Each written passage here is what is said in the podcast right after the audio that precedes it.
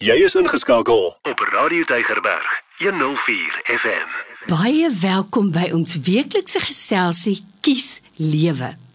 Ek nooi 'n kenner, Dr. François Swart. Hy's 'n kliniese en pastorale terapeut om saam met my sommer lewenskwessies kaalvuis te pak. As jy 'n vraag het, onthou vir my 'n WhatsApp te stuur na 0844 104104 en dan sal ons intyd ook graag jou vraag beantwoord. Die hele doel van ons geselsie is om ook vir jou te help dat jy by 'n punt kom waar jy kan sê ek kies lewe. By my in die ateljee vandag het ek vir Dr. François Swart, pastorale en kliniese terapeut en hy help vir ons om sin te maak van probleme waarmee ons as mense te doen kry wanneer verskillende ouderdomsgroepe en verskillende mense bymekaar kom. Nou Dr. François, dis belangrik dat ons hierdie tyd van die jaar gesels oor verskillende groepe mense, want dit is nou wat dit gebeur, dat mense met die beste intensies gaan vakansie hou en vooraf het jy hierdie idilliese prentjie. Hoe gaan ons en ons beste vriende of ons familie van Australië wat ons lanklaas gesien, hoe gaan ons lekker saam kuier? Jy sien net golfies en silwermaanskyn. Mm -hmm en dan kom die realiteit en is nie so maklik nie. Nou vandag wil ek gesels oor 'n baie belangrike saak en dit is oor geld. Vir party mense is dit baie maklik om hulle gevoel uit te druk. Hulle sal maklik kan sê: "Luister, vir die volgende 4 dae is ons almal saam hier, so ek stel voor, kom ons sit elkeen in die pool elke dag argument salwe R500 en dan gaan koop ons daar uit wat ons nodig het en ons dra die geld oor na die volgende dag toe. Vir 'n ander ou is dit baie moeilik om oor geld te praat en hulle bly stil. So byvoorbeeld kan 'n mens in hierdie tyd voel jy wil vriende nooi om te gaan uit eet. Jy het 'n gawe plan, dis 'n wonderlike plan, maar jou intensie is nie om vir almal te betaal nie. Jy weet jy kan dit nie doen nie. Maar nou is dit vir jou moeilik om dit te sê. Ons wil julle uitvat vir ete, maar ons wil graag hê julle moet vir julleself betaal of ons moet die rekening deel. Hoe hanteer mens so tamilek dat jy nie aanstoot gee nie? En ek dink die sleutelwoord wat jy noem Lorraine is intensie. Baie keer sê ons mekaar, maar ek het dit nie so bedoel nie. Mm. Dit was 'n goeie intensie. Maar as daar nou een ding is om een of ander rede binne die mensdom, is dit nou maar geld. Mm. Uh dit word baie maklik in huwelike en 'n familieverband, in 'n kollegiale verband by die werk. Wanneer dit gaan oor geld, moet jy besef, jy kan nie sommer net aanneem dat omdat jy dalk in 'n goeie posisie is met finansies mm. en jy's baie kreatief en jou intensies is goed en jy's tog net billik, jy's net regverdig. Mm. Ons is almal nou hier by die watter restaurant ook al en dit is mos nou logies dat ons moet deel. Maar nie almal is altyd uh, gereed om dit te doen nie. Mm. En daarom vir alles 'n mens gaan na restaurante toe en so is dit belangrik dat jy 'n uh, 'n uh, spyskaart kies wat wat 'n groot verskeidenheid het. Hmm. En dat 'n uh, eh, party mense eet net voorgeregte. Party mense eet toe nou nie 'n T-bone steak nie. Hulle hulle hulle hulle hulle wil iets minder eet. Dis dat 'n mens maar sê, weet julle, um, ons is nou saam hier. Uh, ons moet sekere goedes deel. Uh, hoe gaan ons die finansies hanteer? Maak dit eers 'n oop gesprek. Mm. Ek dink met jou entoesiasme en jou intensie uh kan jy so oorkom dat jy al klaar die plan uitgedink het. Jy weet presies hoe dit eintlik kan werk en jy stel die mense eintlik net in kennis. Jong, dit is wat julle elkeen sal moet betaal as ons hierdie vleer in die lug wil kry. Nou jy kan presies dieselfde ding doen. Jy wil jou vleer in die lug kry, maar jy moet maar eers hardop wonder. Ek praat altyd van die wondervraag. Ek wonder hoe gaan ons nou hierdie vleer in die lug kry? Want dit kos geld. Mm. Nou ek wonder nou wat gaan ons nou doen om om die geld in die hande te kry? Watter bydrae kan ons maak? Dis om 'n oop vraag te maak om mm. te sê hier is onkoste uh vir hierdie ete, vir hierdie geleentheid wat ons skep. Hierdie plek wat ons nou ingaan as 'n familie. Wat dink julle is die beste manier hoe om dit te betaal of moet ons 'n alternatiewe plek gaan soek? Dis maak dit net 'n oop vraag En dan kan ouens kom en sê weet dit dit is wat ek kan bekostig. Dis my bydrae. Dis hoe ek daaroor voel en dan kan die gesprek van daar af begin. Dr. Frans ek hou altyd van die idee van alternatiewe. En ek dink jy het dit al baie mooi vir ons geleer. Met ander woorde, ouens, so of ons gaan die rekening saam met die voetjie in 4 deel of so nie, betaal elke ou, jy weet mos min of meer wat jy bestel het, net min of meer en dan betaal jy die hele deel en ons sal uiteindelik die hele rekening betaal. Jy kan met ons hele deel regmaak, maar kommunikasie is belangrik. Want dokter Franso, ek het al gesien ook dat mense eintlik bitter is omdat iemand by hulle geld geleen het en dit nie weer terugbetaal nie. Nou, party mense het regtig geld nodig, hulle wil geld leen, maar hulle sal dit nie teruggee tensy jy dit weer vir hulle vra nie. Nou hier is kommunikasie weer 'n ding. En ek dink dit is belangrik hier oor die groot dae dat ons voor die tyd hieroor praat. Ek sal byvoorbeeld as 'n persoon by my geld leen. Jy weet soms ek dink eh, jy het dit ook al baie mooi gesê. Praat eers met die Here daaroor. Die Heilige Gees sal jou oortuig. Vir hierdie persoon moet jy nie geld leen nie. Gee dit en bless hulle met dit.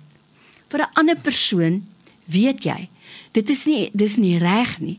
So ek sal vooraf vir so 'n persoon sê, ek gaan met liefde vir jou die geld leen, maar ek wil hê jy moet weet, ek is nie 'n tipe persoon wat agter iemand aanloop en my geld gaan terugvra nie. Sodra jy die geld het, bring dit weer terug. Ek gaan jou nie vra daarvoor nie. Ja, kommunikasie met ander woorde. Kommunikasie en die hele gedagte van aanspreeklikheid Uh, as iemand geld by jou kom leen, ek is so bly dat jy weer noem. Daar's sekere gevoelens wat 'n mens die gees moet vertrou wat vir jou onderskeidingsvermoë gee. Hierdie persoon in die Bybel roep ons op dat ons mm. partykeer moet gee vir mense wat mm. ons vir 'n feit weet wat nie vir ons kan teruggee nie. Mm. Dit kan jy doen en en vertrou die Here se leiding daar rondom. Maar iemand wat jy weet wat eintlik maar net in 'n tydelike penarie is en die persoon moet nou gehelp word daar moet 'n aanspreeklikheidsklausule inkom in daai gesprek. Ek gaan nou vir hierdie geld leen. Um, ek weet jy's in die nood, maar watter dag datum? Wanneer gaan jy eh, die geld terugbetaal? Kan ons nou ooreenkom? Kom ons sit dit in ons selfone. Jy gaan die einde van die maand gaan jy vir my die 31ste gaan jy vir my terugbetaal. Is dit reg so? Dis dit moet ooreengekom word. En dan gee dit vir jou die geleentheid dat kom die 31ste, dan kan jy net terugval en sê weet jy dit is nou die 31ste. Ek wil net weet hoe dink jy oor die finansies nou? 'n Mens wag gewoonlik Lorraine tot baie laat daai dag van die 31ste want jy hoop dat hmm. daai persoon se eie gewete sonder dat jy navraag doen rondom sy skuld sal aanmeld. Maar weet jy, dis waar 'n mens grense moet trek mm. en nie die sulke mense wat jou eintlik uitbuit en wat uh, ooreenkoms het om na te kom moet jy dan aanspreeklik hou daarvoor en dan moet 'n mens bietjie fermer optree en sê dit is ons ooreenkoms en dan moet 'n mens maar bietjie jou nek styf trek en sê dit is nie hoe ons behoort met mekaar te werk as as so 'n persoon dan nou nie sou wou betaal nie by my in die ateljee vandag Dr. François Swart. Hy's 'n kliniese en pastorale terapeut en hy help vir ons om die probleme in verhoudings in hierdie lewe so bietjie uit te pak en sin te maak daarvan. Ons wil hê jy moet uiteindelik by 'n punt kom waar jy sê, "Maar ek, ek kies lewe." Dokter Frans, 'n baie belangrike ding wat jy nou sê, dat 'n mens openlik vooraf kommunikeer sodat daar nie 'n gevoel by jou agterbly nie, want dit is sleg. En en wel wanneer mense ook op vakansie gaan, as een persoon elke keer as 'n mens by die inkopies kom sê, ek het nou my beursie by die huis vergeet. Dit gaan raad, later 'n krapperigheidjie word. So ek dink wat ek nou weer 'n keer leer is kommunikeer openlik en op die punt wanneer daar nog nie emosie by is nie. Met ander woorde, ehm um, weet jy nie dis doodreg as ons by die huis kom, dan kan jy net vir my X bedrag gee en ek stel voor dan vat daai strokie en omkring dit en sit net die bedrag by gee dit vir die ou by die huis. Maar bespreek dit wanneer daar nog nie gevoelens is daaroor nie. Of hoe? Ek dink dis baie wys. Ek, ek dink wat jy hier voorstel, dit kan die hele proses baie help. Ek wil ook maar 'n belydenis maak baie ouens kom leen by my boeke en dan dink ek hy gaan dit die boeke vir my gee nee. en ek uh, aanvaar dit in goeie trou dat my boek gaan terugkom. Maar ek het al soveel kere in my lewe geleer daai boek kom nooit terug nie. Mm. Dis terwyl daar nie emosie is nie. Ek wil maar net daai punt sterk ondersteun. Jy moet 'n aantekening maak mm. en op daai spesifieke dag hoop dat die persoon met sy eie gewete die boek sal terugbring, maar anders te met jy hom. En 'n mens kan dit deesdae baie maklik doen. Jy hoef nie direk vir die persoon te kontak nie, jy kan hom WhatsApp. Mm. Jy kan vir hom 'n boodskap stuur mm. en sê onthou, ons het 'n reëling gehad. Kan jy net vir my sê uh gaan jy nog daai reëling eerbiedig. Dis waar ek sê altyd met nooit 'n boek leen vir 'n boekhouer nie.